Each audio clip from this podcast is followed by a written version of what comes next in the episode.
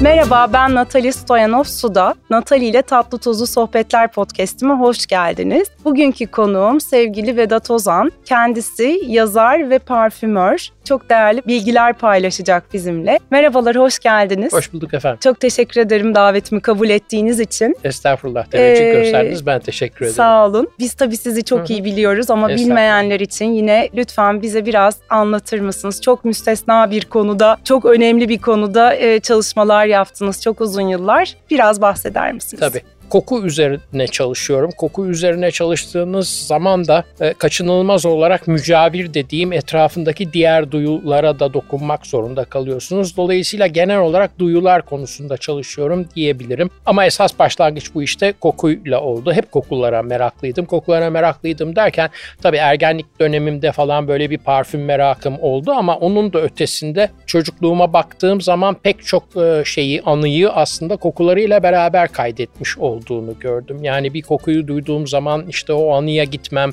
e, veya anıyı e, hatırladığım zaman yanına illa bir koku iliştirme isteğimi falan fark ettiğimde zaten dedim yani burada bir şey var benim bunun üstüne gitmem lazım. O dönemlerde böyle tam dediğim gibi ergenlik dönemlerimde parfümle de kullanımıyla da ilgileniyordum ki o zamanlar da çok fazla parfüm de yoktu Türkiye'de. Dolayısıyla kısıtlı sayıda parfüm e, işte süre süre belli bir yerden sonra da ben bunları kullanıyorum ama acaba acaba bunlar nasıl yapılıyorlar, ben bunları yapabilir miyim diye bir merak peşinden geldi. İlk başta tabii son derece başarısız çünkü öyle ben yapabilir miyim deyince yapılabilecek bir şey değil bu. Yani dışarıdan da baktığınızda çok kolay görünüyor ama malzemelere sahip olmamız veya çok iyi malzemelere sahip olmamız bizim onları çok iyi bir şekilde bir araya getirebileceğimiz anlamına gelmiyor. Çünkü bütün bu işler ki mutfak da bu işin içine dahildir aslında kompozisyon işleri yani. Tabii ki malzemenin niteliği önemlidir ama onları ne şekilde hangi yöntem yöntemlerle ve ne oranda bir araya getirdiğiniz esas önemli. Bir tarafta güzel koku dediğimiz, bir tarafta da lezzet dediğimiz şeyi ancak böyle yakalayabiliyoruz. Dolayısıyla başta biraz olumsuz denemeler devamında biraz daha işte tırnak içinde görece başarılı denemelerle beraber bir şeyler yapabildiğimi hissettiğimde de başka bir merak başladı. Çünkü bir parfüm yaptığınız zaman sonuçta o parfümün kokusuyla siz ortama bir mesaj veriyorsunuz. Aynı giysi seçimi gibi bir şey bu parfüm seçiminizde sizin olmak istediğiniz ideal kişiliğe dair bir mesaj aktarıyor. Bu mesajı aktarıyorsunuz tamam da karşı taraf acaba bunu nasıl alıyor yu merak etmeye başladığım zaman da işte o zaman da duyu kısmına gelmiş oldum. Çünkü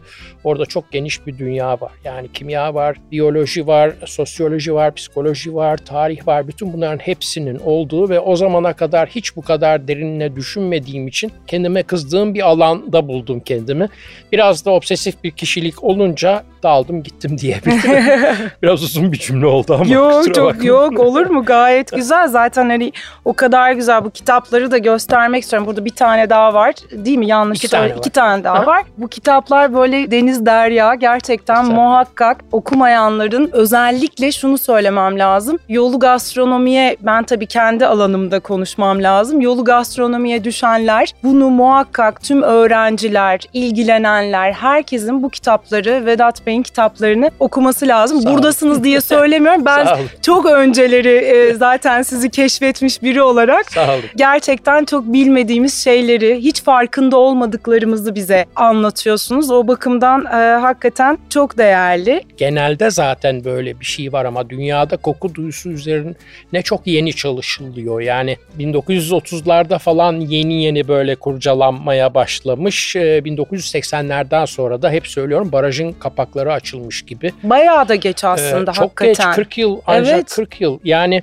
e, lezzetle ilgili olan koku kısmı ki ileride konuşuruz evet. yani retronazal dediğimiz o damak üzerinden aldığımız kokunun isminin konması 1984 yılı düşünün o kadar yeni. İki kanaldan koku aldığımızın fark edilmesi de ondan iki yıl önce. Dolayısıyla çok yeni bir alan aslında koku. Hep e, böyle yokmuş gibi varsayılmış, soyut kabul edilmiş ki değil aslında. Çünkü beş tane temel duyumuz var. Bunların üçü fiziksel, iki kimyasal, ikisi kimyasal duyular. Koku bizim iki kimyasal duyumuzdan bir tanesi. Dolayısıyla e, molekül, reseptör gibi gayet somut bir takım olguların algı sürecinin içinde yer aldığı bir duyudan bahsediyoruz. Dolayısıyla soyutluk sadece bizim ona atfetmiş olduğumuz değer olmanın ötesine çok geçmiyor. E, fakat hep böyle kabul edildiği için bir de üzerine konuşmanın çok kolay olmadığı bir duyu olduğu için yani kendine ait kelimeleri diğer duyular gibi değil. Yok koku duyusunun kendine ait kelimeleri. Türkçe'de mi yok yoksa genel, genel olarak mı bütün yok? Bütün dillerde Hı-hı. neredeyse yok. Ee, yani uygarlaştıkça biz koku dilini kaybetmişiz aslında. Türkçe'de tabii biraz daha vahim bir durum var. Yani e, mesela İngilizce'de böyle 5-6 tane farklı koku izah eden kelime var. Mesela odor, smell, stink, fragrance gibi kelimeler olmasına rağmen biz bunların hepsini koku diye karşılıyoruz. Halbuki bunların hepsi farklı durumları ifade ediyorlar. Ee, ama o da yetmiyor. Yani İngilizce'de daha fazla kelime olması da yetmiyor. Günlük lisanın içine girememiş bir türlü. Yani bir görsellik üzerinden bir örnek vermem gerekirse sarı ve mavi ile beraber bir İsveç bayrağı tarif edebilmenizin karşılığı koku duyusunda yok. Hı hı, Çünkü hı. sarıyı maviyi tarif edemiyorsunuz. Böyle kelimeler evet. yok bizim hayatımızın içinde. E böyle olması, işte elle tutulamaması, gözde görülememesi falan hepsi üst üste gelince önemsiz böyle aksesuar bir duyudur. İşte en fazla parfüm kullanıp şıklık yaparsınız falan gibi düşünülmüş. Halbuki öyle değil tabii ki. Hı hı. Yani baktığımız zaman e, kimyasal bir duyu demiştim. Tek hücreli canlılar bile kimyasal iletişimi kuruyorlar. Dolayısıyla biz bugün bildiğimiz modern insan olmadan önce yani lisan kullanımı, sosyal hayatın oluşumu olmadan önce de biz koku duyumuzu kullanıyorduk. O olmasaydı zaten tür, insan türü dediğimiz türün bugüne kadar gelme imkanı yoktu. Dolayısıyla önemli fakat önemi bilinmeyen bir duyu çok yakın zamanda üzerine konuşulmaya, çalışılmaya başlanıyor. 1980'ler dediğim gibi yani koku algısı üzerine yapılan ilk ciddi akademik çalışma 40 yıllık bir geçmişi var. Evet. Ee, o sürede çok fazla veri çıkmış tabii. O iletişim teknolojilerindeki gelişme de tabii bunu etkilemiş. Çok çabuk bilgi yayılabiliyor artık. Hı hı. Yani işte bu Covid döneminde de gördük. Tabii. Yani iki yıl içinde o dünyaları öğrendik bununla. Bir de kokunun aslında biraz Covid'le tabii birlikte o, o değerini de evet değerini de bir kere daha hatırladık evet, sanki değil mi? Evet, Kaybedince koku evet, evet. duyumuzu. O hiç koku kaybolunca tat e, ka, yani dolayısıyla bu 84'te keşfedilmiş olan şey Covid'le birlikte sanırım perçinlendi artık. Evet. Bir de şöyle bir şey Covid'le beraber koku duyusunu kaybedenlerin bir kısmında geri geldi, bir kısmında geri gelemedi veya Bazı geldiğinde kayıpla gelemedi, geldi evet. veya bir kısmında kokuları artık değişerek alma, parozmi dediğimiz bir Hı-hı. hal ortaya çıktı. Ee, böyle de bir nüfus var. Şimdi bu nüfus var demek ne demek? Bunun bir de ekonomik karşılığı var demek. Bunun tedavisinin bir ekonomik karşılığı var demek. Dolayısıyla zannediyorum önümüzdeki dönemde koku üzerine üzerine e, yapılan araştırmalar, çalışmalar vesaire eskisi kadar fon bulmakta zorlanmayacaklardır diye düşünüyorum. Tabii bu işin öyle bir boyutu evet, var. Evet, çünkü doğru. ekonomik tabii, karşılığı tabii, var artık tabii. orada bir şey yaptığınız tabii. zaman. Peki koku bu kadar e, sığ kalmış yıllarca Hı-hı. ama lezzet tat dediğimiz e, konuya geldiğimizde aslında orada da benzer bir sığlık Hı-hı. var sanırım. E, özellikle Türkçe'ye dönüp baktığımızda Hı-hı. da böyle bir durum var. Tabii ben kendi işim dolayısıyla e, ister istemez istemez tabii ki koku bizim için vazgeçilmez e, ama birincil olarak lezzet tadı gerçi Hı-hı. birbirinden ayrılmaz parçalar biliyorum e, üçü de. Biraz oraları bize anlatır mısınız tabii, lütfen? Tabii. Önce bu, bu üç kavramın çok karıştığı konusunda haklısınız. Yani tat özellikle tat ve lezzet birbirine çok karışıyor. Bütün dillerde böyle karışıyor. Yani işte Almanca'da geçmak deniyor, işte İngilizce'de taste deniyor. Halbuki bizim beş temel duyumuz var. Bu duyulardan sadece bir tanesi tat duyumuz ve tat duyusu dediğimiz zaman tatlı, tuzlu, acı, ekşi ve umami. Bunun dışında herhangi bir şey ifade edemiyoruz biz. Dolayısıyla bizim biyolojik tat duyumuz günlük hayat içinde tat kelimesiyle yüklediğimiz o kültürel anlamı karşılamaktan çok uzak. Yani bizim için bir çilek tadı mevzu bahis değil. Böyle bir şey yok bizim hayatımızın içinde veya bir bezelye tadı yok aslında bizim hayatımızın Ne demek içinde. yani be, çilek tadı ee, yok bezelye? Tat, çünkü tat duyusu tatlı, tuzlu, acı, ekşi. Yani Hı. şekerlilik veya tuzluluk Hı. veya işte ne bileyim ben ekşilik üzerinden gidebiliriz. Ama bunlar bizim için çileği tarif etmeye yeterli şeyler değiller. Limonu da aslında tarif etmeye yeterli şeyler değiller. Kullanmamız gereken aslında doğru kelime lezzet olması lazım. Çilek lezzeti. Çilek lezzeti. Çünkü lezzet dediğimiz şey birden fazla duyunun işin içine girdiği bir toplu kavram. Biz hayatta zaten hiçbir deneyimi tek bir duyuya bağlı kalarak yaşamıyoruz. Yani her deneyimimiz bir çoklu duyu deneyimi aslına bakarsanız. Yani bütün duyular birbirlerini etkiliyorlar ama her deneyimde bir tanesi başrole çıkıyor, diğerleri yardımcı rollerde kalıyorlar gibi düşünebilirsiniz. Lezzette bir de tane böyle. örnek verirseniz Tabii tabii hani lezzet daha iyi. duyusundan örnek vereceğim. Mesela Covid döneminde işte koku duyusunu kaybedenlerin lezzete dair uğradıkları büyük kaybın sebebi aslında yiyeceklerin kokularını alamamalarıydı. Çünkü koku ve tat kaybı oluyor denmesine rağmen tat hala duruyordu. Yani tuzlu mu yediğinizi ayırabiliyordunuz veya e, limon yaladığınızda limon yaladığınızı o ekşiliği ayırabiliyordunuz. Dolayısıyla tat duruyordu fakat koku gitmişti. Koku ve lezzeti kaybettim diyemeyip Hmm. tat kelimesini lezzet yerine kullandığımız için hep koku ve tat gitti diye yorumladık bunu. Aslında tat gidimi yani çok çok seyrek agusya denilen bir rahatsızlık o. Agusya çok çok nadir yaşanan bir durum. Esas olan anozmiyaydı yani kokunun gitmesiydi. Şimdi şeyden bakarsak, lezzete bakarsak da lezzetin altında bir sürü duyusal bileşen var. Yani işte koku var, tat var, doku var ki doku dediğimiz zaman da orada da bambaşka bir dünya çıkıyor. Yani bir sıvıysa bu akışkanlık derecesi veya sert bir şeyse bu işte çıtırdaması, elastisitesi, plastisitesi vesaire bir sürü kavram giriyor. Lezzeti işin etkiliyor çok değil mi? etkiliyor tabii. Hepsi bunların etkiliyor. Yani size aynı tarihte e, üretilmiş iki tane chips yedirsem, patates cipsi yedirsem bir tanesi çıtır çıtır ötse, öbürü hiç ötmese ve böyle hamur gibi ağzınızda yamulsa onun siz bayat olduğuna hükmediyorsunuz ki bu konuda yapılmış çalışmalar var hakikaten. Dolayısıyla e, doku, ses, e, bütün bunların hepsi bir araya gelip bizde lezzet dediğimiz kavramın oluşmasının sebebi oluyorlar.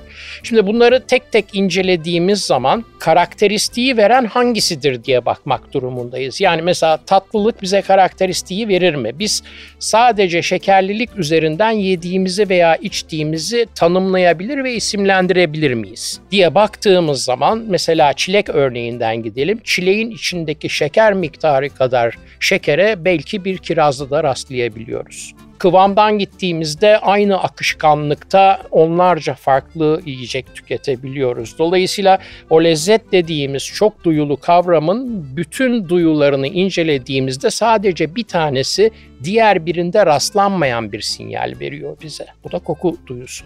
Bunun için aslında koku olmadığı zaman lezzet dediğimiz şeyi e, kaybediyoruz tamamıyla.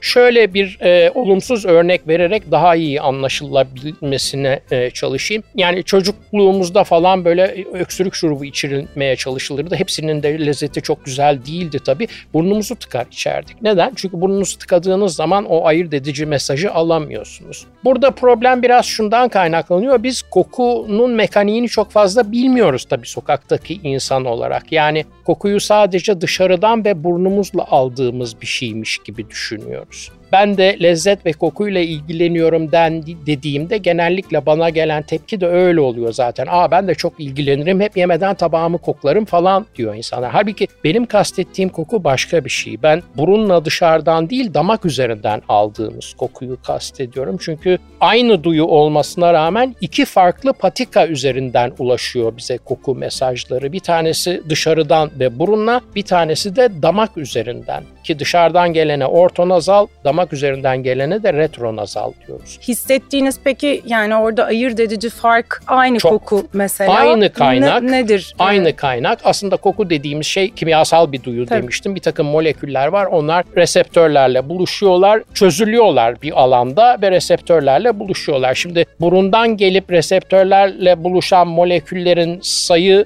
yoğunluk ve çeşit olarak farklı. Damak üzerinden yükselenlerde yoğunluk ve çeşit olarak farklı. Dolayısıyla aynı malzemeyi koklayıp yiyor olsak dahi burundan gelenle damaktan gelen kokuları arasında bir fark var. Bir kere ismen de bir fark var. Çünkü damak üzerinden yükselen kokuya aslında aroma ismini veriyoruz biz. Bunu böyle olduğunu bilmeden de bazı mesela içeceklerle ilgilenenler, ileri amatör veya profesyonel düzeyde ilgilenenler burun ve damak diye ayrı ayrı not almayı tercih ediyorlar. Çay olabilir, kahve olabilir, şarap olabilir, viski olabilir. Hepsinde burun değerlendirmesi, damak değerlendirmesi ayrı ayrı yapılır. Bunlar hazzın çeşitli aşamaları değil her zaman. Yani burunda şöyle bir güzelliği vardı, damakta şöyle bir güzelliği var gibi değil. Bazen dışarıdan reddedebileceğiniz damak üzerinde çok nefis bir şeye dönüşebiliyor. Ha mesela evet orada evet, e, evet. Mavi kitabınızda da evet, evet mavi peynirler evet, hak, ya da peynirlerin peynirler. hani sadece küflüler çoğu, değil çoğu. Çoğu. çoğu, E, kokladığınız zaman evet. e, kötü geliyor. Ya kötü gelmese bile kokusunu duyup da aman deyip böyle evet. üzerine saldıracağınız bir şey yok. Halbuki mesela işte ne bileyim ben domates, sarımsak falan böyle bir koku olsa veya işte simit yeni fırından çıkmış bir simit kokusu olsa falan çikolata, vanilya bu tip şeylerin kokularını duysanız biraz daha olumlu yaklaşırsınız. Ama peynirlerde dışarıdan gelen koku çok böyle e, hoş müspet bir koku olmamasına rağmen o peynir işte dilin üzerinde erimeye başladığında ısıyla mı? E, e, ısı ve çözülen alanın yapısı. yapısı. Ya yani iki alanda farklı yapı var, iki alanda da farklı ısı var. Dolayısıyla çözülen moleküller adet ve çeşit olarak farklılaşabiliyorlar. Bu bir taraf A kokarken öbür taraf Z kokuyor gibi de olabiliyor. Peynir örneğinde olduğu gibi. Yoğunluk artışı artışı olarak da olabiliyor. Mesela çikolata ve balda da böyle bir durum vardır. Dışarıdan kokladığınız çikolata veya bal ağız içine gelip gene dil üzerinde erimeye başladığı zaman birden bir şeye dönüşür. Yani bir şölene dönüşmeye başlar. Hatta balda da biraz böyle kokladığınızda gerçekten İtici gelme olasılığı, olasılığı var. var evet. Evet. Yani nereden ürediğine bağlı evet. olarak tabii. Balın. Yediğinizde halbuki bambaşka tabii, bir noktaya bambaşka gidiyor bir şey gerçekten. Evet. Tabii şey de önemli yani dışarıdayken o duyusal uyarıya eşlik eden diğer duyular farklı. Mesela dışarıda görüyorsunuz rengiyle falan görüntüsüyle bir karar veriyorsunuz. Ağız içinde artık görme imkanınız yok. Dolayısıyla orada ikinci kimyasal duyu yani tat duyumuz devreye giriyor. Oradan aldığı destekle de başka bir bütün ifade etmeye başlıyor. Bunun da etkisi var. Yani çözüldüğü alanın e, sıcaklığı, çözüldüğü alanın yapısı artı eşlikçileri diyelim. Bu üçüyle beraber dışarıdan aldığımız kokuyla damak üzerinden aldığımız koku birbirinden farklı hale geliyorlar.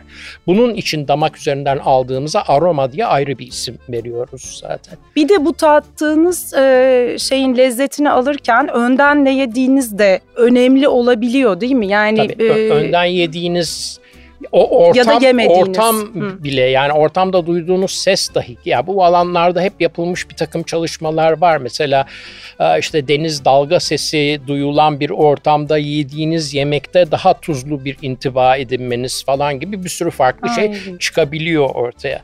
Veya kahve içerken işte beyaz bir fincanda kahve içerken aynı kahveyi kırmızı fincanda içmenize veya mavi fincanda içmenize göre daha sertmiş gibi algılamanız. Ya da Çünkü küçük büyük kontrası, fincanlar tabii, e, o mesela Küçük hakikaten... büyükte şey fark ediyor biraz. Duyuya gelen uyarı kuvvetlileştikçe, daha kuvvetli oldukça bizim onun tüketim miktarımız düşüyor. Yani biz hep kokusu ve aroması kuvvetli şeyleri daha az miktarda tüketiyoruz Ağır aslında. geliyor olarak tarif Ağır geliyor, biraz galiba. uzağa kaçıyoruz. Ne olur belli olmaz. Yani olağanüstü bir durum çok kuvvetli duyusal uyarı çünkü. Dolayısıyla hiçbir zaman işte kopardığımız bir ekmek diliminin büyüklüğüyle yediğimiz bir Roquefort peynirinin büyüklüğü hiçbir zaman birbirine eşit olmuyor. Belki o genetik olarak sizin söylediğiniz koku konusunda ilk insanlar çok hassaslardı ve biz e, ilerledikçe nesiller o hassasiyetimizi kaybettik. O kendimizi koruma güdüsü mü acaba bizi hakikaten kuvvetli kokulardan Tabii. E, uzak tutuyor? Tabii. Kuvvetli kokular o bilgi o zamanki genlere kokular. işlenmiş tabii, bilgi tabii, belki. Tabii yani bütün duyusal uyarılarda bu evet. geçerli. Yani ilk defa duyduğumuz bir ses veya çok güçlü gelen bir ses de bizi irkiltiyor ve bir adım geri kaçmamızın sebebi oluyor. Sonuçta biz bugün sosyal bir hayat yaşıyoruz ve duyularımız haz almak için kullanıyoruz. Ama işin temeline indiğimizde esas olan hayatta kalmak. Tabii. Yani ne olursak olalım en şey sinyaller oradan geliyor. Çünkü dolayısıyla dediğiniz gibi haklısınız böyle bir değerlendirme hep bilincin dışında yer alıyor. Bir alanda hep o var bizimle beraber yaşıyor. Peki koku kayboldu. Evet. Yani şimdi bunu Covid'de evet. biliyoruz ama evet. bununla ilgili çok araştırmalar yapılmış. Sizin Hı-hı. de kitaplarınızda bununla ilgili e, bahsettiğiniz Hı-hı. yerler var. İnsanlar nasıl tepkiler vermişler, ne olmuş? Biraz o, onu da kokuyu bu kadar konuşmuşken tabii. kayıp tabii, halinden tabii, de konuşalım. Tabii çok doğru çünkü koku duyusu dediğimiz zaman varlığı kadar yokluğunun da önemli olduğu bir duyudan bahsediyoruz. Yani Covid'e gelmeden önce de kokunun yokluğu bazen bizim yaşam kalitemizi arttırabiliyor. Yani bazı kokuların yaşama alanımızın içinde olmasını istemiyoruz mesela gibi düşünebiliriz. Dolayısıyla bütün duyularda varlığı kadar yokluğu da önemli o sinyallerin. Covid'de tabii bu iradi olarak e, ortaya çıkmıyor. Yani istemsiz bir şekilde Tabii. kokuya gelen, duyuya gelen mesajları duyumsayamaz oluyoruz. E, anozmi dediğimiz bir durum bu. Ozmos Yunanca koku demek. A'da yokluk eki anozmia denilen bir şey. Şimdi çok ilginç ben bundan 5 sene önce anozmi kelimesi dediğimde herkes bakardı ne diyor bu adam diye. Fakat yani son 6 aydır bana gelip anozmi durumum var diye insanlar söylemeye başladılar. Antiparantez bunu hemen parantez ben tıpla ilgili değilim. Hiçbir şekilde böyle bir e, şeyim yok. Böyle bir iddiam da yok. Böyle gelenlere de doktorlara gitmelerini öneriyorum zaten. Koku duyusunun kaybıyla beraber tabii işte o önemsenmeyen soyut kabul edilen e, duyunun aslında günlük hayatın içinde ne kadar farklı yerlerde işe yaradığı ortaya çıktı ki koku duyusunu kaybettiğinizde tabii e, birincisi belleği duygu yoğunluğuyla beraber geri çağırma imkanınız çok kalmıyor ortada. Çünkü bellekle çok yakın ilişkisi olan geri gelen anıları çok duygu yoğun yaşatan bir duyu, koku duyusu. İkincisi tehlike sinyallerini alabilme imkanınız ortada kalmıyor. Yani en basitinden bir gaz kaçağını duyumsayamıyorsunuz veya e, işte mutfakta tencereyi koydunuz ve arkanızı dönüp başka bir iş yapıyorsunuz. Siz o işi yaparken gelen kokuyla beraber dönüp altını kapatmanız gerektiğini anlamanız koku duyusunu kaybettiğinizde gerçekleşmiyor. Libido da düşme oluyor çünkü kokuyla türün bugüne gelmesi yani üreme arasında birebir yakın zamana kadar yakın zaman dediğim yani bir pedal olana kadar insanlar çünkü milyon yıllık bir maceradan bahsediyoruz evet. aslında. Çok direkt bir ilişki var üremeyle e, koku arasında. Bütün bunların hepsinin yani libidonun gittiği, belleğin çok güçlü çalışmadığı, tehlike sinyallerinin alınamadığı, hepsinin üstüne de lezzet dediğimiz şeyin ortadan kaybolduğu bir dünya tabii ki çok arzulanan bir dünya değil. Ve psikolojik olarak da e, tabii e, yani sonunda tabii ki, bir takım tabii, tabii yansımaları oluyor muhtemelen. Tabii, ki, tabii o psikolojik yansımaların da fiziksel fiziksel veya kimyasal karşılıklar oluyor. Böyle bir döngüye, döngüye girmiş, girmiş oluyor. maalesef. Evet. Biraz evvel bu beş tat duyusundan Hı-hı. bahsettik. Hı-hı. Umami tabii daha Hı-hı. çok biliniyor artık umami ama biraz umami'den konuşalım. Hı-hı. Çünkü umami ile birlikte aslında MSG dediğimiz monosodyum glutamat Hı-hı. ki bu işte Çin tuzu, e, Çin tuzu. istenmeyen aslında istemediğimiz e, bir e, madde tadına da varan bir tat duyusundan bahsediyoruz Hı-hı. ama doğal olarak Hı-hı. hangi yiyecek yiyecekler de var. Nasıl Hı-hı. bir tat Hı-hı. ve daha umami'nin haricinde iki tane daha yeni, yeni e, araştırılan tatlar var. Biraz Hı-hı. umami ve diğerlerinden konuşabilirsek. Tabii. Tat duyusu işte bu lezzet kelimesinin yerine de ikame ettiğimiz ismiyle beraber çok önemli bir duyu bizim hayatımızın içinde aslında. Kokudan çok farklı çalışıyor. Her zaman koku duyusuyla koordineli çalışıyor. Çünkü aroma dediğimiz kavramı yanına tadı da koyduğumuz zaman ancak lezzet dediğimiz bütüne ulaştırabiliyoruz. Tat duyusu bizim için trafik ışıklarından bir örnek vermek gerekirse kırmızı ve yeşil ışığı yakıyor aslında. Bunu ye, bunu yeme diye ışık yapıyor. Yani bir şeyde şeker varsa git onun üstüne ye çünkü senin için o enerji kaynağıdır diyor. Bir başkasında böyle bitter bir acılık geliyorsa aman buna dokunma, bunun zehirli olma potansiyeli var gibi böyle çok ilkel bir takım mesajlar veriyor. Biz daha sonra koku duyusunu da yani aroma verilerini de kullanarak o mesajları hafifletmişiz sosyal birer varlık haline geldiğimiz için. Beş kulvardan oluşuyor tat duyusu. Bu beş kulvarın beşincisi ve en az bilineni de umami.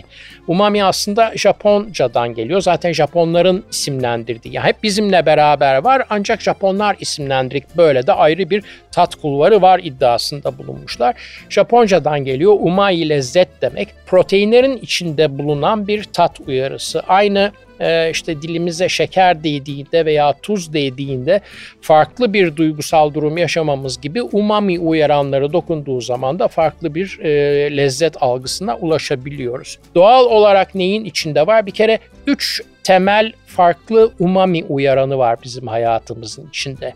Glutamatlar doğal olarak var bunlar. Glutamatlar, guanilat ve inosinat diye. Bunlar hep yıllar arası arada 10 yıl 20 yıl geçerek bulunmuş şeyler. Bunlar tek tek bizde umami algısının sebebi olurken bunlardan hasper kadar iki tanesi bir araya geldiğinde de o umami yani o korkunç kuvvetli lezzet algısı çarpılarak hissedilmeye başlanıyor.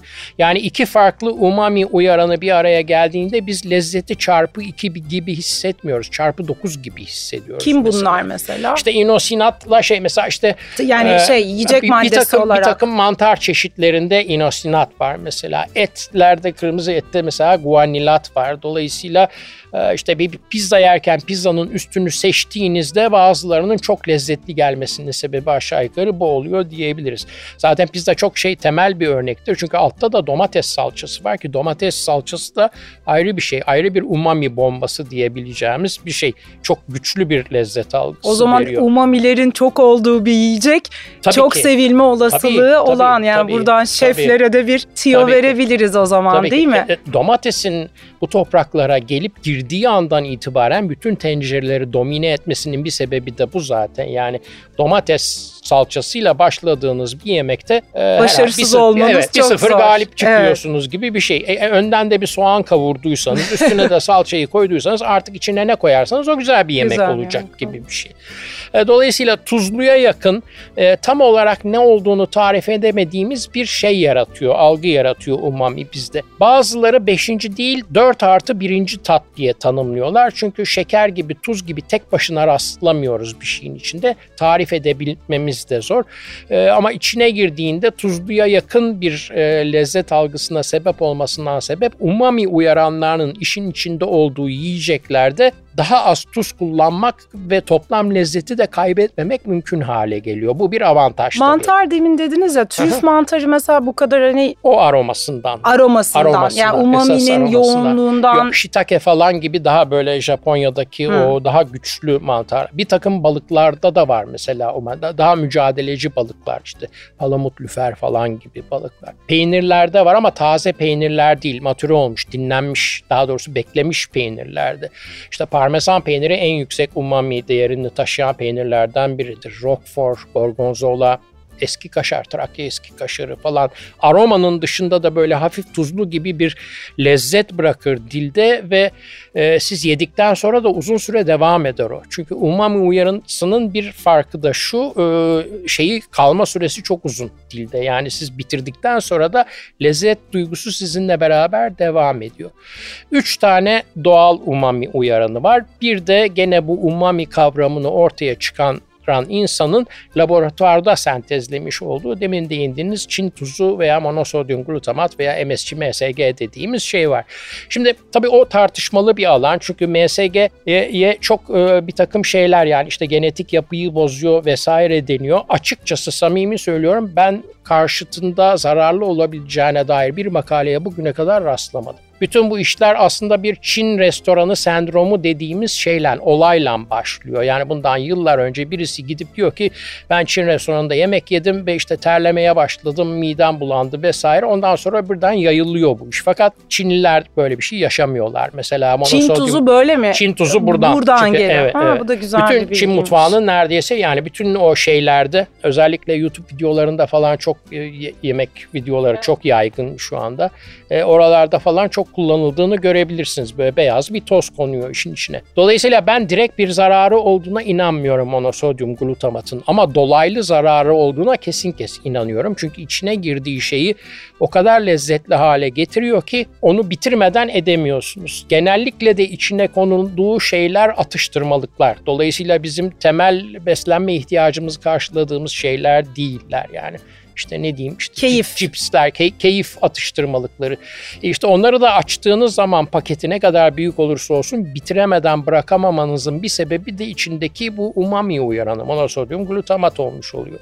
Dolayısıyla sentetik, dolaylı sentetik olarak, olarak evet, koyulmuş evet, olan dolaylı olarak bizim e, şeyimizi etkiliyor tabii. Çok e, işte obezite arttı. Onları zamanında tüketenler kadar fazla hareket etmiyoruz bugün vesaire derken dolaylı olarak sağlığı etkilediğini söyleyebiliriz. Umami böyle. Bir de iki tane yeni e, bulunan. Evet gene Japonların e, üzerinde durduğu kokumi var bir tane. Kokumi de ağız doluluğu hissi gibi tanımlanabilecek bir durum. Ama ağız doluluğu dediğim zaman aklımıza dokunma duyusu geliyor olmasına rağmen dokunma duyusuyla ilgili değil tamamen ona atanmış farklı tat reseptörlerinin varlığından bahsediliyor. Çünkü bir tat kulvarının oluşabilmesi için birinci gerek sadece o tadı algılamaya muktedir bir takım reseptörlerin ağzımızın içinde özellikle de dil üstünde yoğun olarak bulunması lazım. Yani ilk gereklerden bir tanesi. Koku mu böyle bir şey e, ağız doluluğu hissi yaratan tat kulvarı Anlaşılması deniyor. açısından bir Çok örnek zor. Çok var zor. mı? Yok. Umami'de de çok zorlanıyorum çok aslında. Yani birebir deneyerek bunu görmek lazım. Hı hı. Bir diğeri de oleogustus yani gustos tat zaten tat duyusunun ismi. Oleo da yağ, yağ tadı. Şimdi yağ tadını da anlatmak zor çünkü hemen ister istemez yağın dokusu veya kokusu geliyor aklımıza. Halbuki tat ya tuz veya şeker gibi ayrı bir yağ tadından bahsediliyor. Bu ikisi üzerine şu anda çalışmalar yapılıyor. Bu da mı Japonlar tarafından? Yok, Kokumi Japonlar tarafından. Bu Amerika'da çalışılıyor daha çok Oleogustus. Ee, bu ikisi üzerinde şu anda çalışmalar yapılıyor. Muhtemelen önümüzdeki 10 yıl içinde 5 değil 7 temel tattan bahsediyor Neden olacağız. Japonlar böyle Neden umami Japonlar? ve kokumi? Çünkü e, lezzet dediğimiz toplu bir şey demiştim. Top bir şemsiye kavram altında bir sürü duygusal uyarı var demiştim. Japon toplumunun koku yetkinliği diğer insan gruplarından daha az. Yani bir kere onlar bize göre çok daha kokusuz ortamlarda yaşıyorlar. Vücutları daha az koku üretiyor. Ter kokusu çok nadir rastlanan bir kavram Japonlarda. Onların mutfağına da baktığımız zaman koku değeriyle değil diğer özellikleriyle öne çıkan yiyecek ve içecekleri görüyoruz zaten.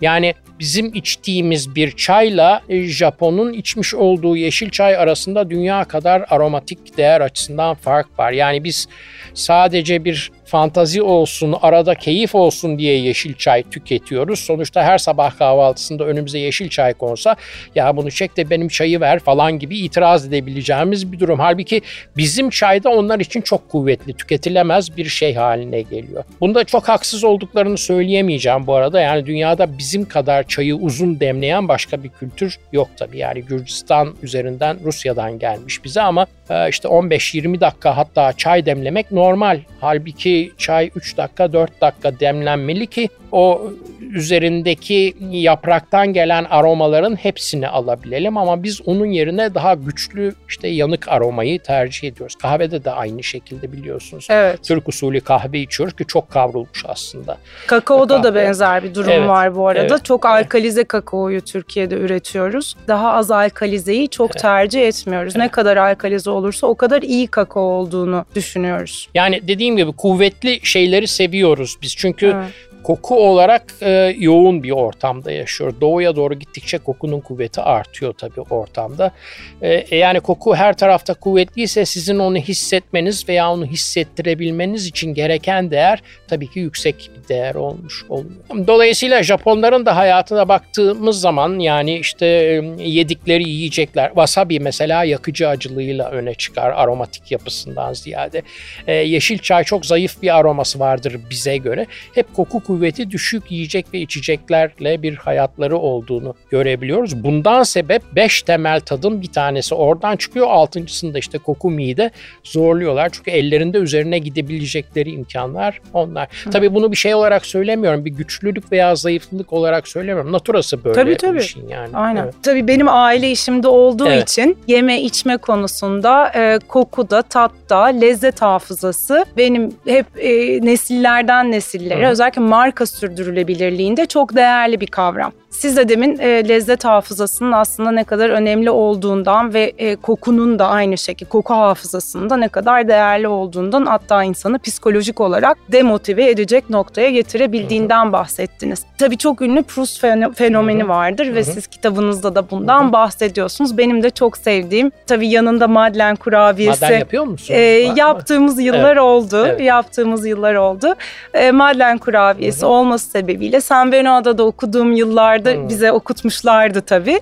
E, o Geçmiş yüzden olsun benim evet yani Allah'tan bütün kitabı okumadık. E, ama o bölümü özellikle e, çünkü bir klasiktir neticede o, o Tabii bölümü. Dolayısıyla hani biraz bize Tabii, e, tabii, bu tabii. fenomen üzerinden Tabii. e, biraz daha bahseder misiniz? Çünkü hakikaten ticari bakımdan da işletmeler bakımından da Tabii. pazarlama dünyasının Hı hı. e, çok önemli bir e, argümanı e, tatlar, kokular ve bunların hafızadaki e, bıraktığı hı hı. İzler. Proust fenomeni aslında koku bellek ilişkisini izah eden bir fenomen. Yani Proust bir gün çocukluğunda astım krizleri geçiriyor aslında Marcel Proust ve onu halasının yanına yolluyorlar. Halasının yanında geçirdiği günleri de bir şekilde belleğine nakşediyor. İlerleyen yıllarda Paris'te bir gün e, yağmurlu bir havada eve döndüğünde annesi onun kapıdan burnunu çekerek girdiğini görüyor ve ona işte bir ıhlamur çayıyla yanında bir madlen keki, küçük madlen keki bu şey gibi deniz kabuğu şeklinde olan küçük keklerden ikram ediyor.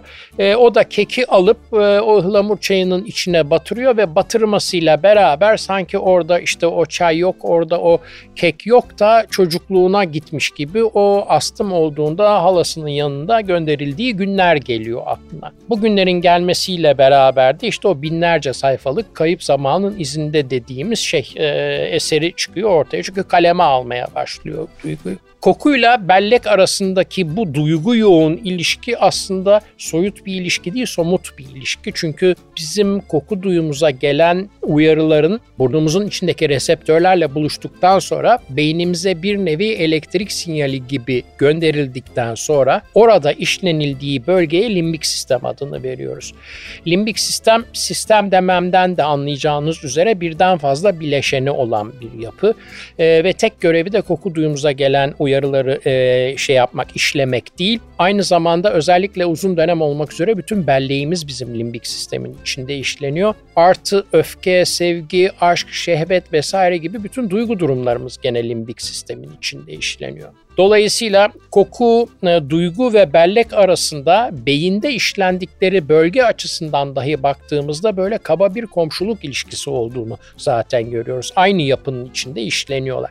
Üstelik diğer duyulardan gelen uyarılar da limbik sistemin içine eninde sonunda gidiyor olmalarına rağmen koku dışındaki duyulara gelen uyarılar önce bir bilişsel süzgeçten geçiyorlar beynimizde.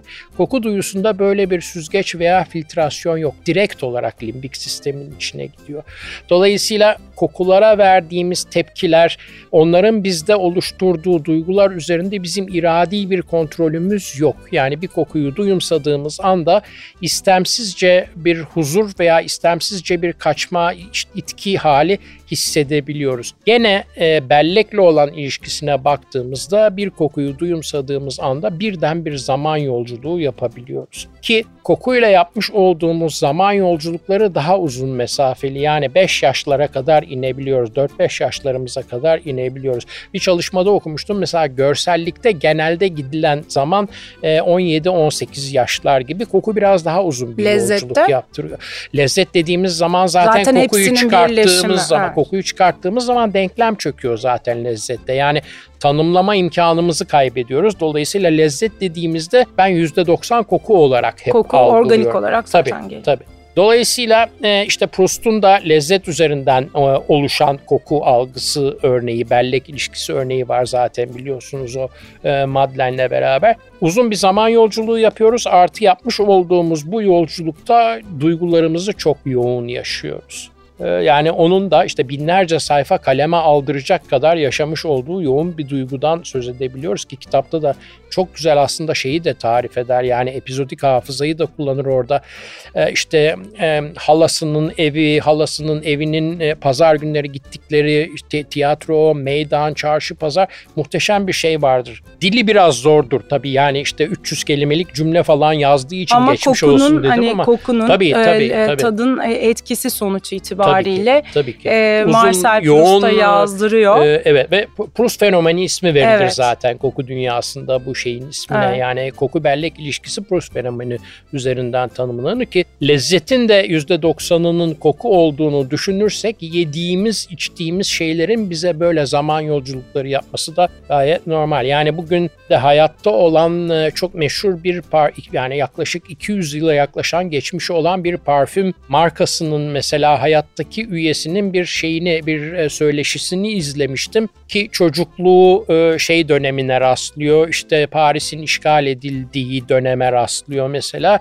İşte o dönemde dışarı çıkıp bir şey alamıyorduk ama annem bana çilekli kek yapmıştı deyip o çilek kelimesinden sonra durup gülümsemesi çünkü orada anlıyorsunuz ki o aslında bir şey yapıyor, bir yolculuk yapıyor orada. Evet. Orada çilek gitti artık, kek de gitti. Annesiyle geçirdiği zaman var artık onun beyninin içinde o anda duygu olarak da onu yaşıyor. Dolayısıyla lezzette de böyle bir şey e, işte yurt dışına gidenlerde memleket lezzetlerini özlemeleri ki yanda götürülen en fazla götürülen şeydir aslında mutfak. Yani diaspora veya dışarı çıktınız ve kendi komünitenizi oluşturdunuz. Evin içindeyken gelinen yerin yemekleri hep e, yenilir. Yani dışarıdayken Roma'dayken Romalı gibi davran diye bir laf vardır. Roma'dayken Romalı gibi davranılır ama evin içindeyken e, işte nereden gittiyseniz Trabzon'dan mı gittiniz, Van'dan mı gittiniz, İstanbul'dan mı gittiniz o mutfak öğeleri muhakkak o e, yapışılmak istenen, e, ayrılmak istenmeyen kimliğin bir parçası, en güçlü parçası olarak çıkabiliyor karşımıza. O da tabii kokusuyla beraber geliyor. Çünkü eğer işte bir parfüm mağazası veya bir parfüm işi vesaire yapmıyorsanız normal bir insanın günlük hayat içinde en fazla çeşit ve en fazla kuvvette kokuyla karşılaşacağı anlar yemek yeme anları. Yani yemek sofrası bizim için bir koku şöleni aynı zamanda. Hem dışarıdan gelen kokunun şöleni hem damak üzerinden almış olduğumuz kokunun şöleni. Onun kadar fazla çeşitte kokuyu başka bir günlük deneyimde yaşama imkanımız yok. Eğer özellikle işimiz Hı. öyle bir iş değilse tabii.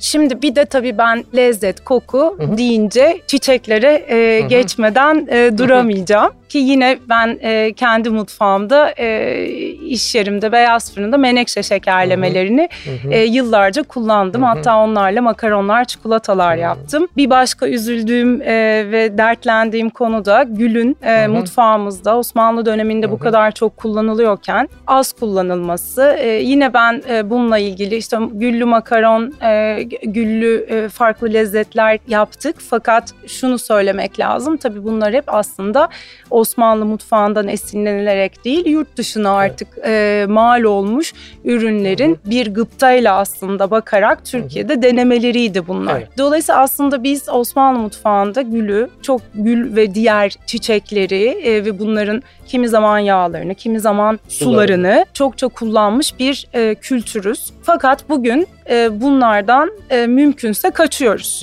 Biraz buraları konuşalım tabii ki, tabii istiyorum. Öncelikle şunu belki ayırmamızda yani Osmanlı mutfağı dediğimiz zaman daha çok işte payitaht İstanbul ve evet. çevresi İstanbul aslında, mutfağı. Evet İstanbul mutfağı daha çok demek lazım. Çünkü yani Anadolu'daki zaten yani kışı nasıl aç kalmayacağım diye e, işte yoğurtla unu bir işte tarhana Tarhanalar, yapıyor tabii. falan. Onun e, gül yağını, gül İstanbul suyunu bulabilme var. şeyi çok fazla yok. İstanbul'da ama saray ve çevresinde özellikle böyle şeyler mümkün tabii. Çok e, farklı aromatik bileşenleri olan bir mutfak fakat şeyi unutmamak lazım. Yani e, yeni dünyanın e, yeni dünyaya Avrupalıların ayak basmasıyla beraber yani İspanyolların Portekizlerin oraya ayak basmalarıyla beraber çok büyük bir kültürel değişim yaşanıyor aslında. Yani buradan oraya bir sürü şey gidiyor olumlu veya olumsuz. Oradan da buraya olumlu veya olumsuz bir sürü şey geliyor. Bu gelen şeylerin içinde koku olarak son derece baskın, e, aynı zamanda tat olarak da bizde hoş yolculukların başlatıcısı olabilecek bir takım öğeler var. Mesela e, tatlıdan biraz tuzluya gidiyorum ama demin konuşmuş olduğumuz domates mevzu da böyle bir şey. E, her ne kadar 1800'lü yılları domatesi kabul etmemiz buluyor olsa da domatesin salça veya kurutulmuş halinin içine girdiği bir yemeğin demin de konuşmuştuk hakikaten lezzetsiz olma şansı yani çok uğraşmanız lazım o yemeği lezzetsiz hale getirmek için. Çünkü çok yoğun umami uyaranları içinde var. Dolayısıyla domates salçası bir kere mutfağa giriyor ve salça öncesindeki her şey domatesin o dominant yani o baskın e, etkisi altında eziliyor ve mutfaktan çıkıyorlar. Bugün için neredeyse domates girmeyen tencere yemeği herhalde yoktur diyebileceğimiz gibi bir durum Çıkanlar da kimler? Evet. Kuru erikler, evet. kuru kayısılar, tabii, kuru üzümler tabii, bunların tabii, hepsi tabii. dışarı. Elde ne varsa o zamanki malzemeler kullanılırken gelen domatesin verdiği o baskın e, umami ile beraber diğerleri dışarıda kalmak durumunda oluyor oluyorlar. Tuzlularda bu varken tatlılarda da vanilyayı yaşıyoruz tabii. Yani vanilya öncesi ve vanilya sonrası diye işte bu toprakların tatlı kültürünü herhalde ikiye ayırmak lazım diye düşünüyorum. Çünkü onun öncesinde e, işte gül sularıyla pek çok tatlılar üretilirken hatta işte miskler, amberler bile söz ediliyor. Tabii şeyi daralttığınız zaman yani İstanbul mutfağı değil artık saray mutfağına doğru daralmak durumundasınız. Çünkü çok pahalı içerik malzemelerinden bahsediyoruz. Misk artık zaten yok herhalde değil yok, mi? Yok miskin zaten artık, kullanımı evet, yasak kullanım çünkü yasak. hayvansal. Evet, Amber çok e, pahalı ve çok seyrek bulunuyor. Ama zamanında böyle kokusal öğeler de işin içinde yer alırken vanilyanın geldiğinde yaratmış olduğu o hoş aromatik izlenimden beraber işte bütün kekler, pastalar, mutfaktaki tatlıların pek çoğunun içinde vanilyanın yer aldığını görüyoruz. Tabi sadece bizde değil bütün Avrupa'da da aşağı yukarı böyle oluyor. Çünkü Avrupa'da da geçmişine baktığımızda ta Yunan'a kadar gidebiliyor. Yani işte hamurun içinde meyvelerle falan böyle tırnak içinde ilkel diyebileceğimiz bir takım tatlı kek, kurabiye denemeleri varken bugün artık oralarda da vanilyanın ezici bir hakimiyetinden bahsedebiliyoruz. Çiçekler çok yenirken e, işte balla veya şekerle kristalize edilip e, işte sizin bahsettiğiniz evet, menekşe şekerlemesi, Toulouse menekşe şekerlemesi olduğu gibi bugün artık zannediyorum çok niş, çok yani sadece görsellik değerinden belki istifade etmek için üretilen bir takım şeyler haline geldiler.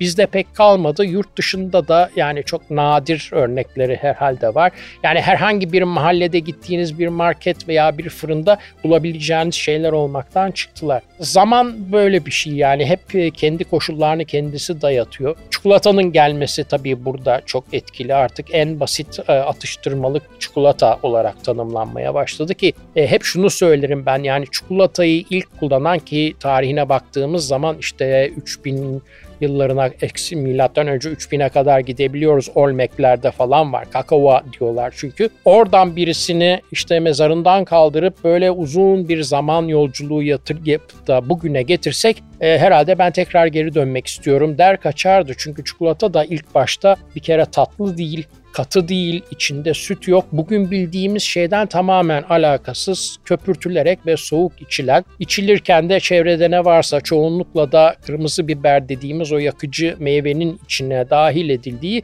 bir sıvı. Evet Ama ben çok bugün, enteresan mesela evet, sözünüzü kestim. Şey kakaoyu aynen çikolatayı sizin Hı-hı. dediğiniz gibi İtalya'da bir köyde çikolatayı ilk kullananlardan bir tanesiymiş. O firma hatırlamıyorum adını. Etli bir pay yapmışlardı Hı-hı. ve içine dediğiniz gibi tuzlu, e, çikolata şekersiz tabii. Evet. Hani kakao ile evet. kakao çekirdeğini kullanarak yaptıkları için bayağı tuzlu yani hiç etli tabii pay ve çikolatalı Hı-hı. ama çikolata tadı filan asla yok. Ön yargıları yıktığınız zaman böyle sonsuz seçenek var karşınızda. Yani benim de hep bu verdiğiniz örneğe çok yakın, çok lezzetli bir et sosu olduğunu düşünüyorum aslında çikolatadan yapılan bir sosun. Birbirini çok iyi tamamlıyor ve çok lezzetli bir izlenim yaratabiliyor. Ama tuzlu kullanımının yanı sıra tabii ezici bir şekilde tatlı olarak kullanımı var çikolatanın da. Dolayısıyla tatlılarda yeni dünya eski dünyayı çok fazla etkiliyor ve domine ediyor diyebileceğimiz bir şeyle bir durumla karşı karşıyayız. Tatlı da önemli çünkü beş temel tat kulvarından bir tanesi. Hatta biz Türkçe'de biraz da kayırmışız tatlıyı. Çünkü duyunun ismi tat, kulvarın ismi de tatlı. Yani diğerlerinde sanki tat yok da bir tek bunda varmış gibi böyle bir pozitif fazla pozitif bir ayrımcılık evet. yapmış durumdayız. Tatlı dediğimiz zaman da şekerli şeyleri kastediyoruz. Şeker dediğimiz zaman da bir şemsiye kavramı aslında birden fazla şeker var çünkü bizim hayatımızın içinde. işte laktoz var, fruktoz var, işte glukoz var vesaire bir sürü farklı şekerler var. Ama hepsinin ortak tarafı şu bize enerji veriyorlar. Ve o evrimsel kalıtımla beraber bize enerji veren yiyeceklerin e, bizim için yararlı olacağına dair bir ön kabulümüz olduğu olduğunda tatlı bir şey gördüğümüz zaman durdurak bilmeden onların tüketimine doğru gidebiliyoruz. Tabii burada şunu unutmamak lazım. Özellikle buzul çağı sonrası bizim büyük büyük atalarımız içinde şeker içeren herhangi bir besin bulduklarında ben böyle bir şeyi bir daha ne zaman bulurum bilemem. Bulmuşken yiyebildiğim kadar yiyeyim dediklerinde onların bir aylık zaman dilimi içinde tüketebildikleri şeker miktarıyla gün içinde yapmış oldukları hareket miktarı bizim bugünkünden çok farklı. Dolayısıyla çok çok çok tükettiğiniz zaman onların yaşamadığı bir takım sorunları biz yaşayabiliyoruz. Dolayısıyla şekere ilişkin böyle bir şeyimiz var. Tatlı olan şeylere karşı hep e, İngilizce'de tatlı diş diye bir şey bile var hatta sweet tooth deniyor. Yani tatlı diş vardır gider o tarafa doğru gibi. Böyle bir e, yaklaşımımız var. Bundan dolayı tatlı olan şeylerin aromatik bileşenlerinden bir tanesinde radikal bir değişim yaşanması yani işte vanilyanın mesela gelmesi o vanilyanın bahsettiğimiz çikolatanın da içine girmesi, çikolatalı tatlıların da içine girmesi, bir sürü şeyin içine girmesiyle beraber bir takım şeyler artık çok eskiye dair şeyler olmaya başlıyorlar. Yani bugün bir gül suyundan bahsettiğinizde muhtemelen genç nesilde bir burun kıvırmayla karşılaşacağımız gayet net bir durum. Ki gül suyu kullanılan herhangi bir tatlı çeşidi de çok fazla yok yani. O zaman muhallebi. gül suyuna artık veda ee, ediyoruz gibi, gibi gözüküyor. Gibi görünüyor ama e, gül suyu ve diğer çiçek sularının yani ön yargıları yıksak aslında çok farklı kullanım alanları çıkartabiliriz ortaya. Yani mesela içeceklerde zorlayabiliriz bunu. Alkollü veya alkolsüz içeceklerde bunları zorlayabiliriz. Gül suyu, turunç çiçeği suyu vesaire böyle çok farklı şeyler üretebilme imkanımız var. Yani bunların maliyetleri de emin olun vanilyadan eğer doğal vanilya kullanılıyorsa doğal vanilyayla çok fazla farklı olan şeyler değil. Ama lezzet olarak insanlar insanları değişik yerlere götürebilecek bir takım şeyler. Dolayısıyla gitmiş bir takım şeyler var. Onları aynen belki geriye getiremeyiz ama belki yeni elimizde olan şeylerle eski olanları sentezleyerek farklı bir takım yerlere gidebilme imkanımız hı hı, hı. hala var. Tabii ben yaş olarak hala su muhallebisini çok seviyorum. Güllacı çok seviyorum ama daha önce bilmediğim ve gül suyunu içeren ilginç ve lezzetli bir şey çıksa onu da reddetmeyeceğimi düşünüyorum yani. Çocuklar mesela artık bu tatlıları seviyorlar. Kimisi seviyor, Hı. kimisi sevmiyor ama sevenler oluyor ama şimdi mesela onlar için bir mochi bilmiyorum evet biliyor evet, musunuz? Biliyorum. Mochi evet. gerçeği var. İlginç hani muhtemelen evet. o altıncı duyular falan orada devreye Olabilir. girmeye başlıyor Bana gibi. çok fazla bir şey ifade ettiğini Ye, Yo yo zaten mantık olarak da çok evet. enteresan. Çünkü ağzınıza attığınızda hakikaten evet. o mochi böyle yumuşak. Evet. Hani o yüzden şimdi aklıma o geldi yani altıncı duyudan bahsettiğinizde. Evet. Orada dokunma duyusu kokumi, yani işte. Kokumi evet, evet. iyi sanki biraz hakikaten çağrıştırıyor Olabilir. gibi geldi. Bilmiyorum Olabilir. ben yani bilimsel bir şey söylemiyorum anladım, ama anladım. bakalım nereye varacak. Şeyi unutmamak lazım tabii işte hep dediğim yani ben koku üzerine hep durdum ama lezzet dediğimiz toplu bir algı. Yani onun içindeki diğer duyusal bileşenler de hep önemliler. Çok meşhur bir dondurma markası vardır. Ben Jerry diye bir marka var. Mesela kurucuları aslında anozmik yani koku alamıyorlar. Koku alamadıkları için bir başka duyunun üzerine gitmişler. Nasıl koku hayatlarında az yer tuttuğu için diğer bileşenlerin üstüne gidip de Japonlar tat çalışıyorlarsa ben beceride de dokunun öne çıktığını görüyoruz. Çünkü hep crunch dediğimiz böyle e, çıtır çıtır şeyler vardır onların ürettikleri dondurmaların içinde. Böyle farklı duyusal uyarılarla uğraşarak bunların üzerine giderek Mesela gül suyunun da hep böyle işte muhallebi gibi, güllaç gibi yumuşak ağızda eriyen şeylerdense daha sert bir takım şeylerle birleştirilerek farklı bir takım sentezlere gidilebilmesi de mümkün olabilir. Sizinle birlikte mutfağa gireceğiz gibi gözüküyor Vedat Bey. Çok teşekkür ederiz Rica geldiğiniz için. Rica Hakikaten ederim. sizinle sohbetin tadına e, gerçekten doyum olmuyor. Ben teşekkür ediyorum. Çok, e, çok sağ olun, iyi ki geldiniz. Sağ olun çok teşekkürler. Ben teşekkür ediyorum efendim. Dinlediğiniz için çok teşekkür ederim. Yeni bir bölümde görüşmek üzere.